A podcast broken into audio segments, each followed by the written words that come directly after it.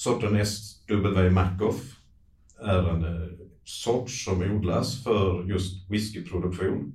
Den är en eh, så kallad HDP-sort, det vill säga att den har eh, High Diastatic Power.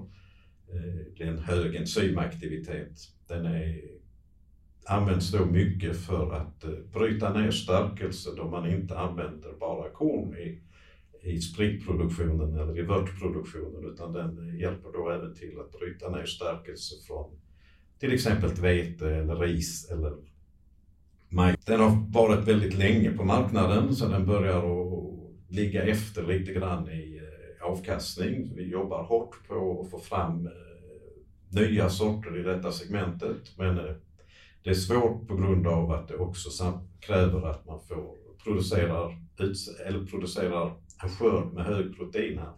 Så att rekommendationerna är att man ska ha högre kvävegiva än normalt och vill gärna ha en proteinhalt på mellan 12-13 procent.